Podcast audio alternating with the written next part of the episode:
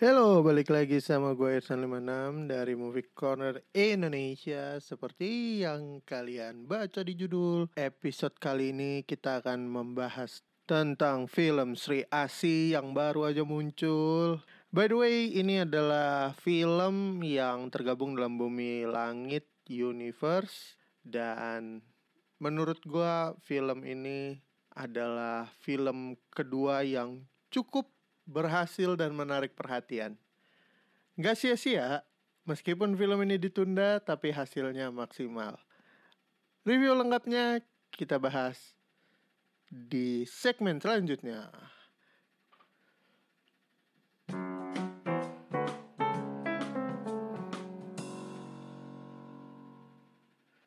Oke, jadi tentang Sri Asih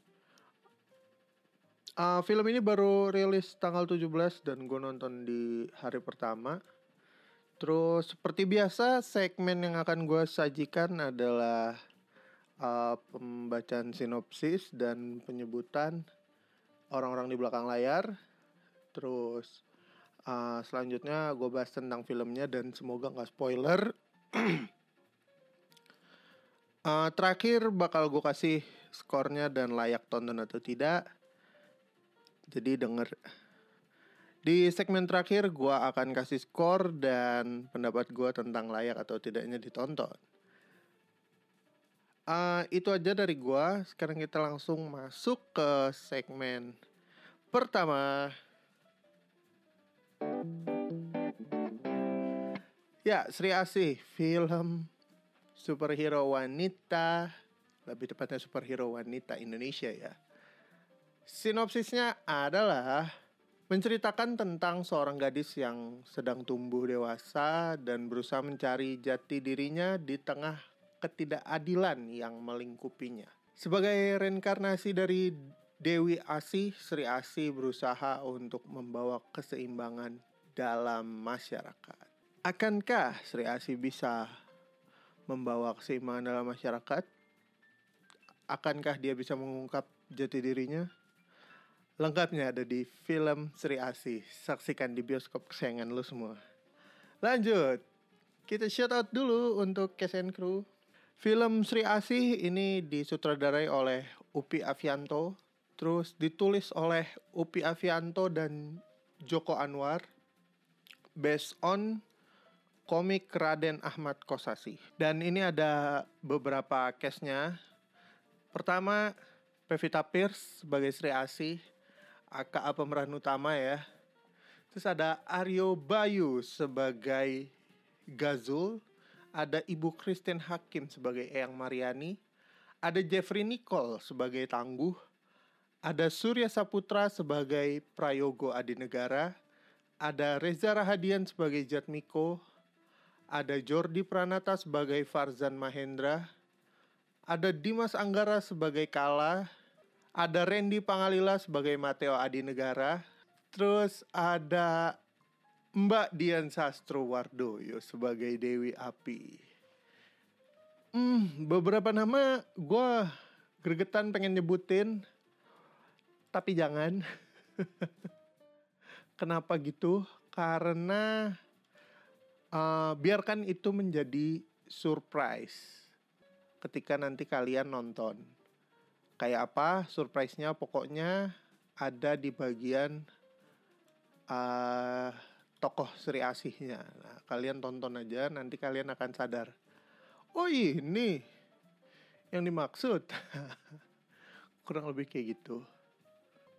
Terus mungkin uh, selanjutnya kita bacain ini ada orang-orang di belakang layar ada Joko Anwar sebagai produser, ada Wim Berlinawan sebagai associate producer, ada Franciscus Bimo sebagai line producer, ada Bismarka Kurniawan sebagai produser, ada Winnie Lau sebagai eksekutif produser, ada Charlie Martin sebagai eksekutif produser, ada Anna Melani sebagai associate producer, ada Gemi Nuramdiani sebagai line producer, ada Wiki V Olindo sebagai produser, ada Johnny Penotti, Kevin Rian, Lisbeth Simamarta, Ricky Wijaya sebagai eksekutif produser lainnya.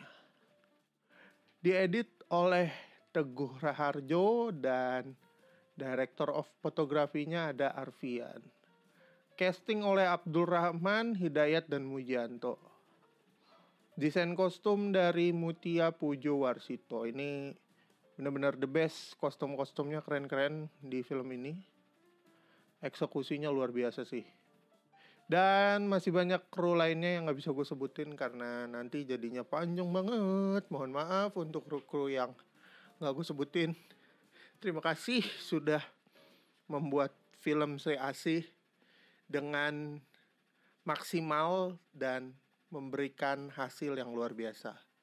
Lanjut kita bahas filmnya.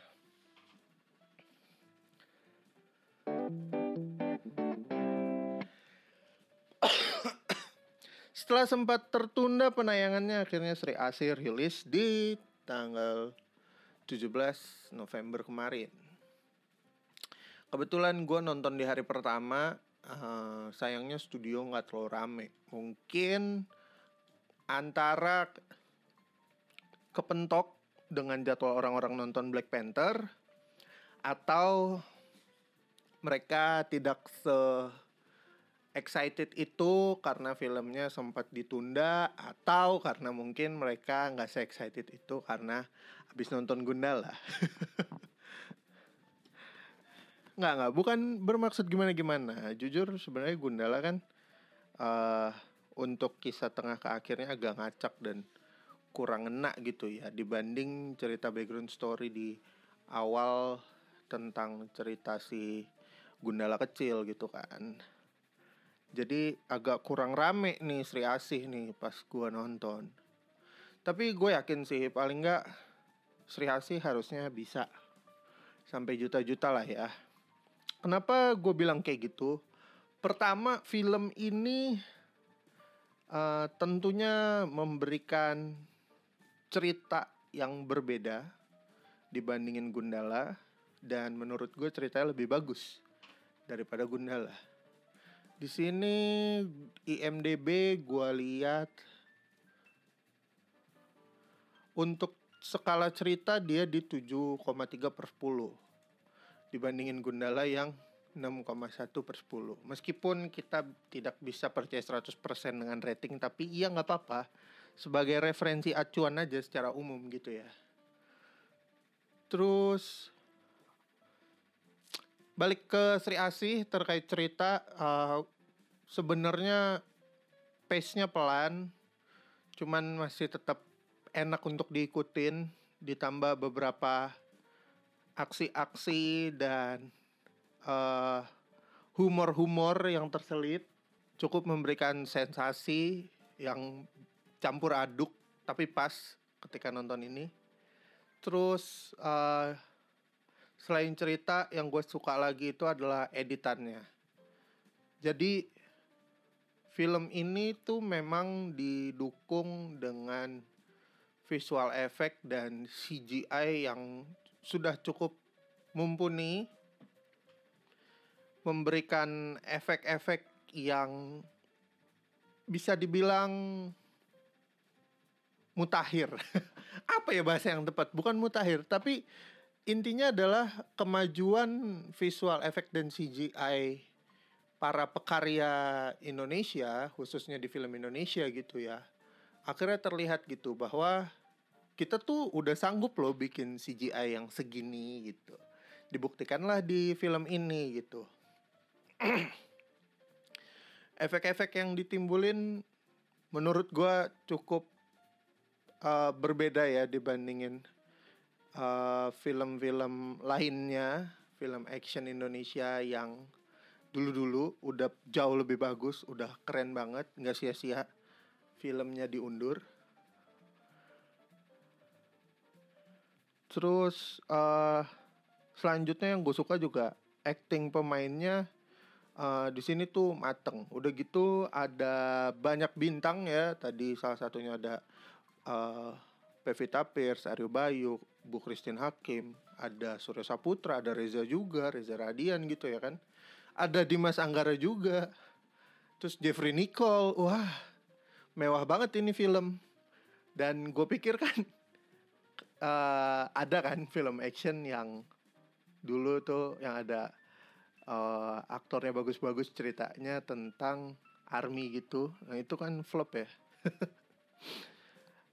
dibandingin dengan itu jauh banget ini. Kalau dibandingin sama yang paling dekat Gundala secara cerita ini lebih mateng dan lebih uh, pas porsinya dengan uh, ceri dari cerita latar belakang sampai akhirnya dia berhasil mengalahkan musuhnya.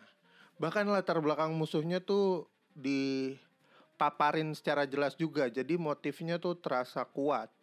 Kayak kita tuh nggak heran gitu kayak ya emang cocok sih kalau lo kayak gini lo jadi penjahat kasar gitu.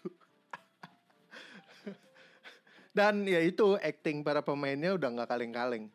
Drama abis sumpah.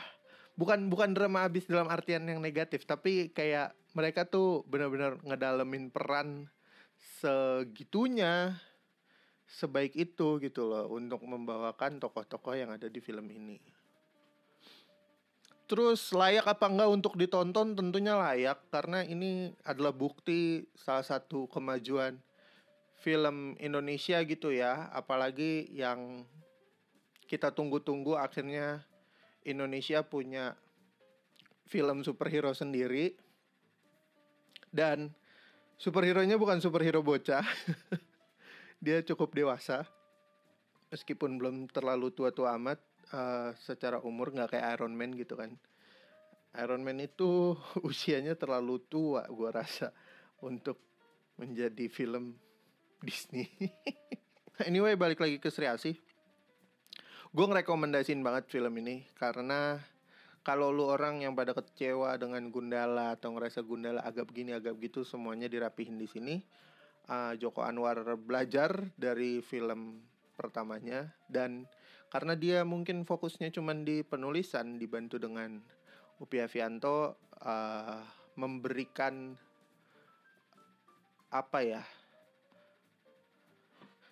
bisa dibilang sentuhan-sentuhan yang saling support gitu, saling mengisi. Ketika misalkan Mas Joko ada kekurangan, mungkin bisa dibantu Upi untuk dirapihin lah jadi benar-benar disupport secara rapi gitu untuk dicerita. Terus uh, selain karena cerita dan visual efek ya tentu lu harus nonton ini karena aktor dan aktrisnya gila-gila sih papan atas bos. Sumpah. Nah Uh, lanjut mungkin apa yang gue nggak suka dari film ini. Sebenarnya gue nggak mau ngebahas terlalu banyak tentang teknis karena juga gue nggak terlalu tahu kan keadaan di lapangan dan anggaplah gue awam gitu kan. Gampangnya gue cuman penikmat. Tapi dari kacamata gue ketika gue nonton terasa ketimpangan uh, untuk CGI dan visual effect meskipun akhirnya gue maafkan karena uh, terlihat ada peningkatan ketika kita menonton filmnya sampai habis gitu ya. Jadi uh, bisa dibilang uh, kita dibikin puas ketika uh, filmnya sudah berakhir gitu di awal-awal tuh agak timpang dan cukup gelap bisa dibilang dalam tanda kutip. Gue ngerasa ada titik di mana editannya tuh dari gelap tiba-tiba jadi terang. Terang banget bahkan itu sebenarnya uh, agak ganggu kalau di gue tapi gue nggak tahu kalau dari yang lain. Mungkin bisa aja itu perasaan gue doang. Tapi gue ngerasa kayak gitu. Itu dari CGI 2 gua agak kayak Dengan koreografinya. Uh, by the way, koreografinya dari Wise Team, shout out buat Wise Team. Kalian sebenarnya udah bekerja dengan baik, cuman ada beberapa yang miss uh, terasa pukulan, tendangan atau keroyokan, bukan keroyokan, mereka one by one anyway gitu. Intinya beberapa pukulan tendangan uh, dan hal-hal kekerasan lainnya itu terasa miss dan kurang greget. Ada beberapa adegan yang gue merasa kayak ini mereka bukan lagi koreo berantem tapi menari. Antara memang dari aktor dan aktrisnya tidak terbiasa dengan gerakan tersebut jadi kurang mantep gitu ya atau emang sengaja dibikin kayak gitu supaya flow-nya lebih ngalir or something. Ya gue nggak paham lah. Tapi kurang lebih kayak gitu. Itu yang gue rasain. Terus selain koreo uh, ini sebenarnya buat gue agak ngeganggu. Tapi kalau kalian nggak sepeduli itu sih kalian nggak akan seterganggu itu. Tapi gue kasih tahu aja. Jadi ada adegan di mana Sri Asi bertemu dengan musuhnya yaitu roh jahat dan akhirnya mereka one by one gitu kan berantem satu lawan satu dengan kesaktian dan kekuatan masing-masing gitu ada adegan di mana gue ngerasa harusnya roh jahat ini tuh bisa sampai kayak berpindah-pindah tempat, nembus dinding, terus bergerak cepat. Tapi kok malah nggak dilakuin gitu. Apalagi rata-rata pertandingan roh jahatnya ini tuh kayak di satu ruang yang sempit. Pergerakan ruang sempit, dia fokus untuk ngejatohin lawannya. Tapi giliran dia terdesak ketika kabur, ketemu jalan buntu bukannya tembus, tapi malah kayak orang bego gitu kayak ya udah nabrak tembok aja I was like what the fuck gitu agak kesel tuh gue di situ ketika kok roh jahat yang harusnya roh gitu ya kan dan dia bisa menghilang bisa ini harusnya kekuatannya itu dibuktikan juga dengan pertarungan one by one yang uh, ketika kabur atau pelariannya itu tuh sebagus itu. Meskipun secara efek visual dan CGI menimbulkan uh, efek-efek dia baru mau menghilang atau dia melayang-layang itu bagus gitu ya. Kurang greget aja gitu padahal kan nih penulisnya terbiasa dengan film yang horor-horor ya kenapa nggak diginiin nggak dikasih yang seperti itu gitu. Itu yang terkait roh jahat. Uh, sisanya tuh ada beberapa humor dan uh, sen ada beberapa humor dan sentuhan-sentuhan horor khas Joko Anwar yang akan lo nikmati di sini.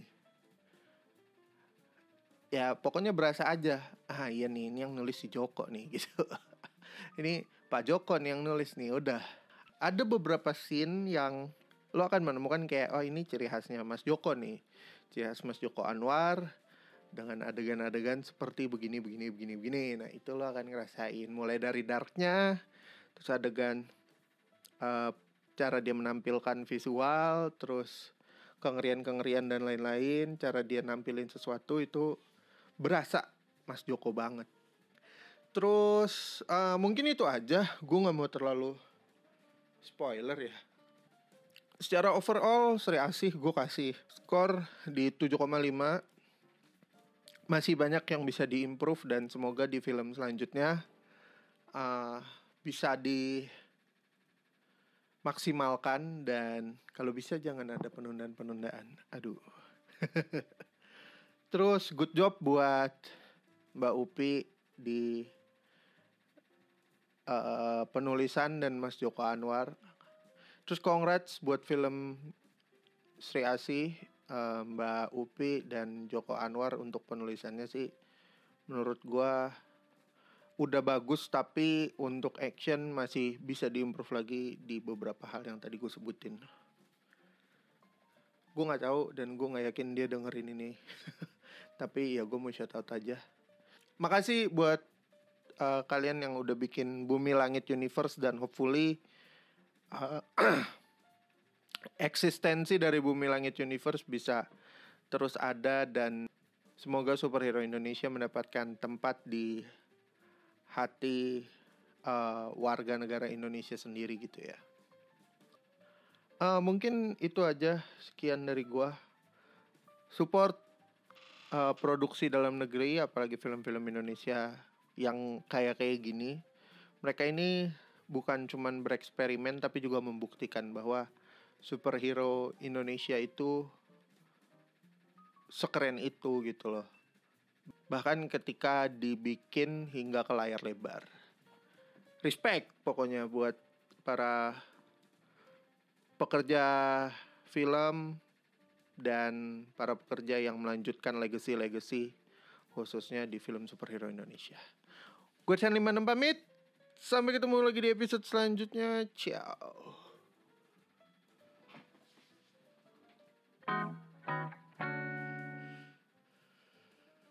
Oke, thank you yang udah dengerin podcast Movie Corner Indonesia. Sampai ketemu lagi di episode selanjutnya. Follow gue di @irsan56, bisa langsung DM rekomendasi film ke situ. Terakhir, gue Irsan56 pamit.